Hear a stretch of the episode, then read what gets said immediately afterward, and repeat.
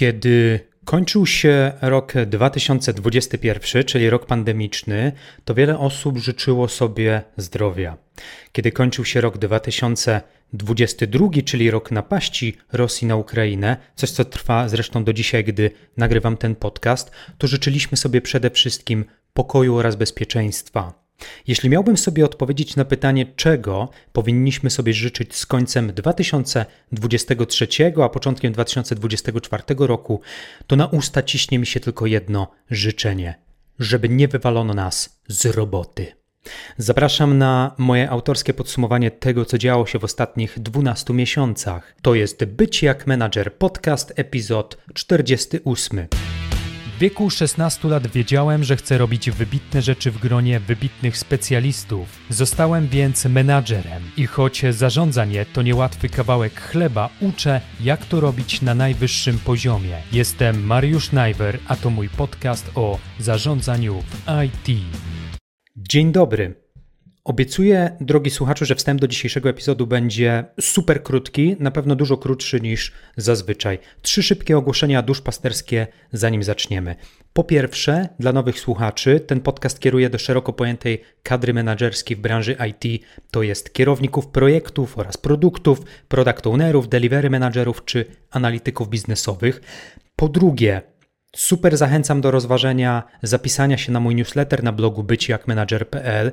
Nie handluję niczyimi danymi, a adres mailowy oraz imię, które zostawiasz w czasie subskrybowania newslettera, wykorzystuję tylko do podsyłania informacji o nowych podcastach. Czasem dorzucam też kody zniżkowe na moje konsultacje, a skoro już o konsultacjach mowa, to po trzecie, jeśli jest jakiś problem albo wyzwanie, z którym właśnie się ścierasz, bo na przykład zmieniasz pracę i próbujesz się przebranżowić, to zachęcam do zapisania się na moje konsultacje menedżerskie 1 na 1. Więcej informacji w zakładce konsultacje na moim blogu. A teraz do rzeczy. Jaki naprawdę był rok 2023? To, co mam w głowie, kiedy wracam myślami do poprzednich 12 miesięcy, na pewno jest pewnego rodzaju ekscytacją, ale także niepokojem, a to dlatego, że kończący się rok był pełen kontrastów. Z jednej strony świat technologii, który i tak już szybko pędził, nabrał jeszcze większej prędkości w kontekście, w kontekście innowacji. Z drugiej strony świat gospodarki zaciągnął hamulec ręczny, ponieważ po czasach pandemii i w trakcie trwających wojen należało zrobić reset i zastanowić się, jak stawić opór inflacji oraz zacząć stabilizować światowe rynki. To wszystko miało oczywiście pewien dość spory, wydaje mi się, wpływ na naszą branżę, na branżę technologiczną, ale także branżę menedżerską. W czasie, kiedy analizowałem kalendarz z 2023, wynotowałem sobie pięć takich wydarzeń, wokół których moim zdaniem cyrkulowała atmosfera zmian, przełomów, skoków technologicznych, ale też dyskusja o tym, co tak naprawdę ważnego działo się na naszych oczach. Pięć wydarzeń, o których przyszłe pokolenia dowiedzą się z YouTube'a, TikToka lub o których opowie im po prostu sztuczna inteligencja. Pozwól też, że uprzedzę pewne skargi i zażalenia na to, że wymieniam tylko pięć wydarzeń, skoro działo się o wiele, wiele więcej. Owszem, działo się sporo, natomiast tak jak wspomniałem na początku, jest pewien powód, dla którego nazywam to autorskim podsumowaniem 2023 roku. Autorskim, ponieważ wybrałem tylko te pięć wydarzeń, które zapadną mi głęboko i na długo w pamięć. Numer jeden. I myślę, że w pierwszej kolejności wspomnę o postępie technologicznym i wprowadzeniu nowych modeli językowych, czyli dotykamy sztucznej inteligencji. 2023 to przede wszystkim ogromne zmiany w popularnych modelach językowych. Przykładowo ChatGPT wprowadził model, tak zwany model GPT-4 który według mnie, ale też tysięcy innych specjalistów, jak sobie przejrzysz prasę branżową, oferuje piekielnie dobrą precyzję w generowaniu odpowiedzi.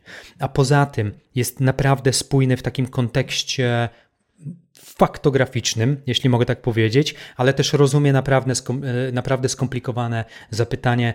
Zapytania w ogóle 2023 był takim rokiem promptów, w sensie wszyscy zaczęli się uczyć, jak promptować, jakie zapytania, e, jak e, nie konfigurować, tylko jak formułować zapytania do czata GPT. Natomiast nie dodałbym tego wydarzenia do mojego podsumowania, gdyby chodziło tylko o nowy model czata GPT.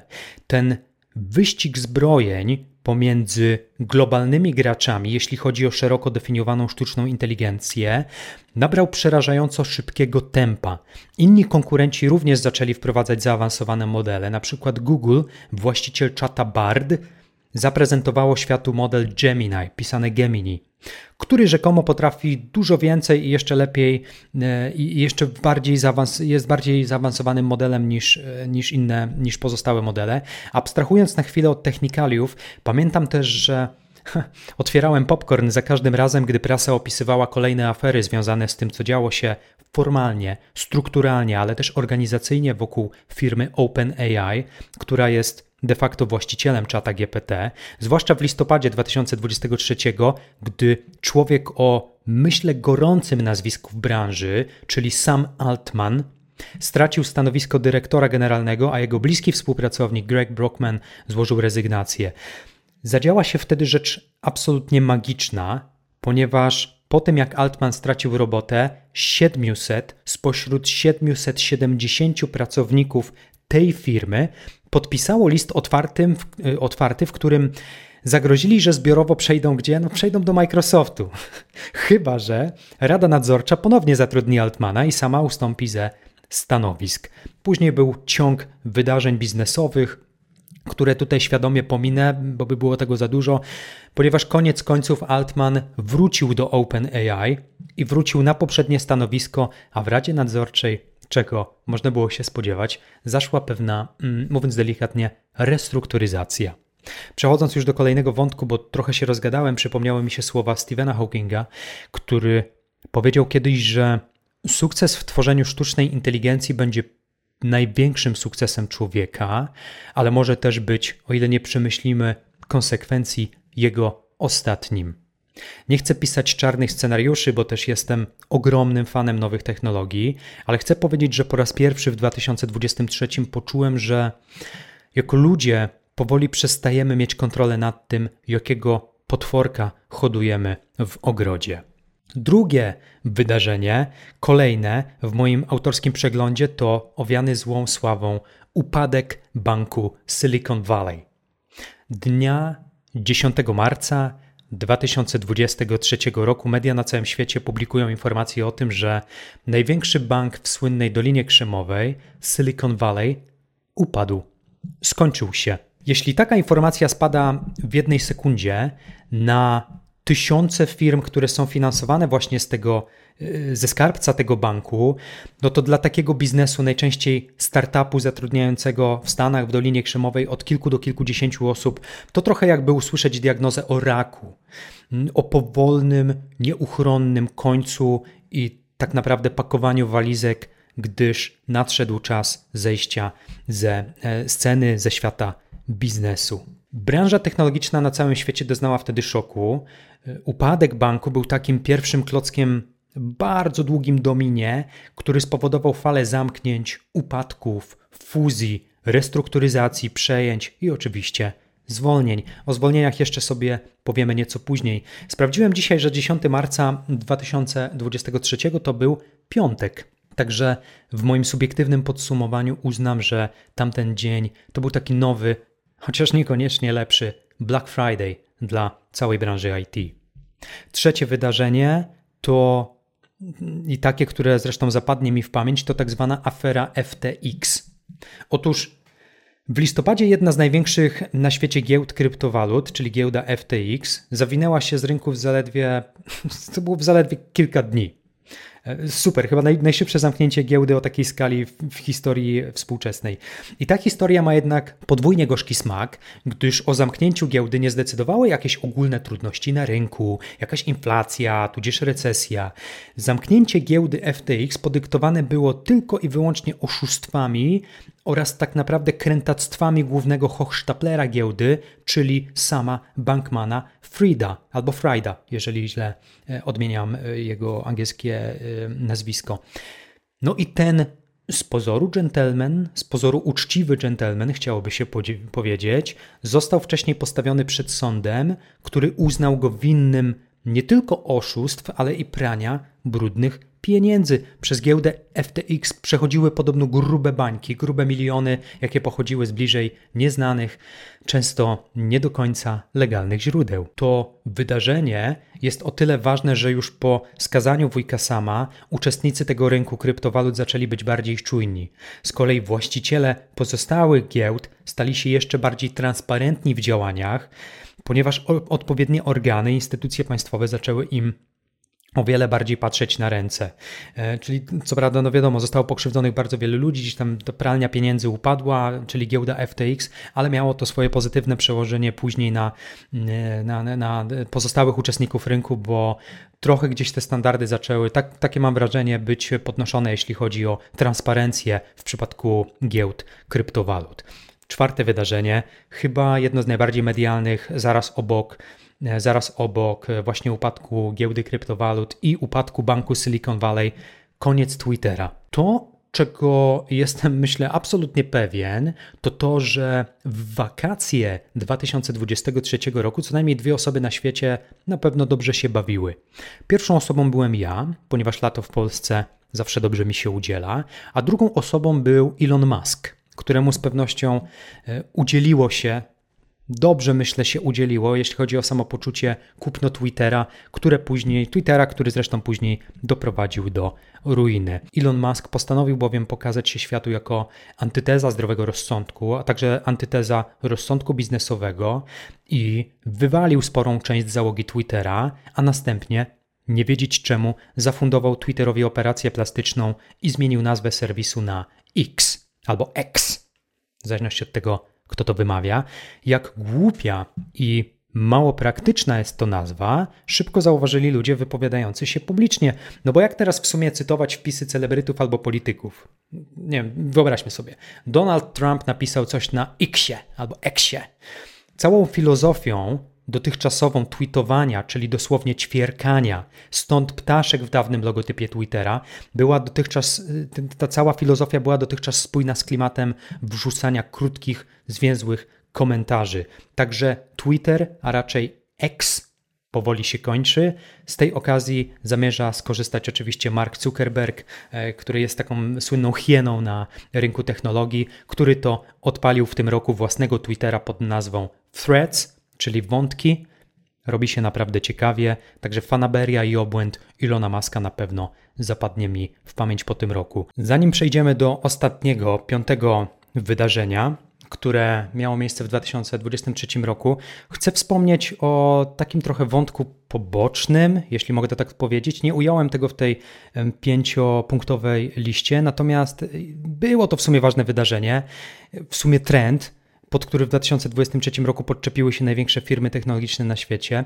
Otóż chyba słusznie ktoś doszedł do wniosku, że nowe technologie tak głęboko wdzierają się już do naszego życia i tak inwazyjnie wrosły się w codzienność miliardów ludzi na świecie, że te technologie niosą ze sobą ogromne ryzyko. Dlatego w 2023 zauważalne było, była coraz większa atencja i uwaga poświęcana cyberbezpieczeństwu. Przede wszystkim cyberprzestępcy mają już do dyspozycji tak szeroki wachlarz narzędzi, zwłaszcza mając teraz AI, że mogą z palcem w tyłku okradać miliony ludzi na miliony dolarów każdego tygodnia.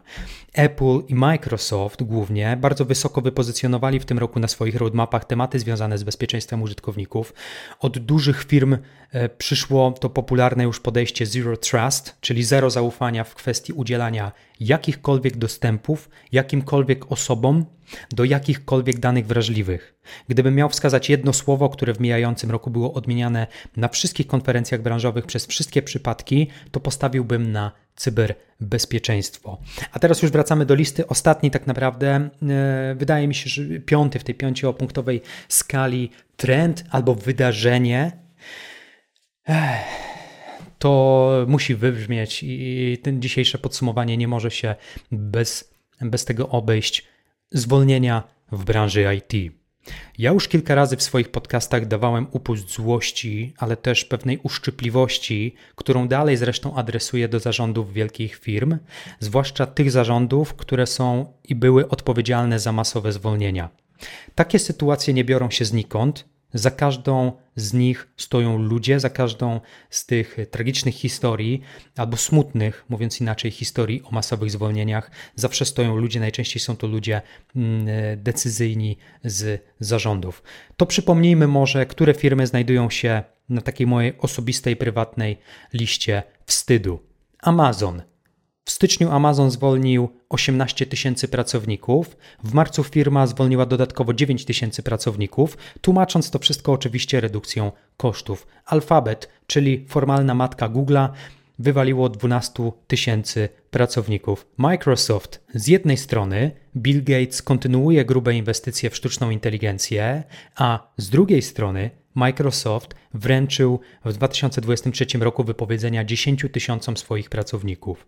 Dalej, Salesforce 8 tysięcy pracowników poszło na bruk, to stanowiło około 10% całej załogi firmy. Meta, czyli dawniej Facebook, czyli Zuckerberg, 10 tysięcy pracowników usłyszało żegnajcie.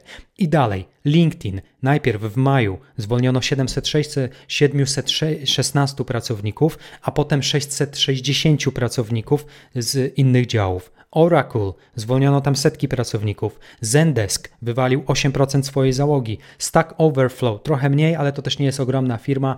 Oni e, co najmniej 58 pracownikom, e, pracownikom powiedziało do widzenia. Dropbox, pół tysiąca osób, e, osób usłyszało bye bye, co stanowiło 16% całego zespołu. Red Hat, e, wypowiedzenia tam dostało 800 osób. No i Spotify, zarząd tej firmy, co boli mnie szczególnie, bo to moja ulubiona aplikacja, wywalił w sumie 1500 pracowników. Mógłbym tak jeszcze długo, ale po co? W Polsce też zresztą były zwolnienia, chociażby w Software House NetGuru. Ja staram się zachować optymizm, chociaż przypominają mi się słowa Einsteina, że świat nie będzie zniszczony przez tych, którzy czynią zło, ale przez tych, którzy na to patrzą i nic nie robią. Przez wiele miesięcy patrzyliśmy na kolejne zwolnienia w branży, ale tak naprawdę nikt z tym nic nie zrobił. To, co ja bym zrobił, to ja bym zaczął z pewnością od rozliczenia, formalnego, prawnego rozliczenia zarządów tychże firm i postawienia zarzutów o niegospodarności. Postawieniu zarzutów o niegospodarności tym, którzy w czasie pandemii, czyli nieco wcześniej, pompowali całą tę bańkę, zatrudniając więcej ludzi niż podpowiadał zdrowy biznesowy rozsądek. Na koniec Poza tym, że zachęcam do zapisania się na moje konsultacje i śledzenia mnie w mediach społecznościowych, chcę wrócić do zdania, które wypowiedziałem na początku o tym, że w nadchodzącym roku 2024 życzyłbym nam wszystkim, sobie i Tobie, żeby nas zwyczajnie nie wywalono z roboty. I wiesz co, drugi słuchaczu?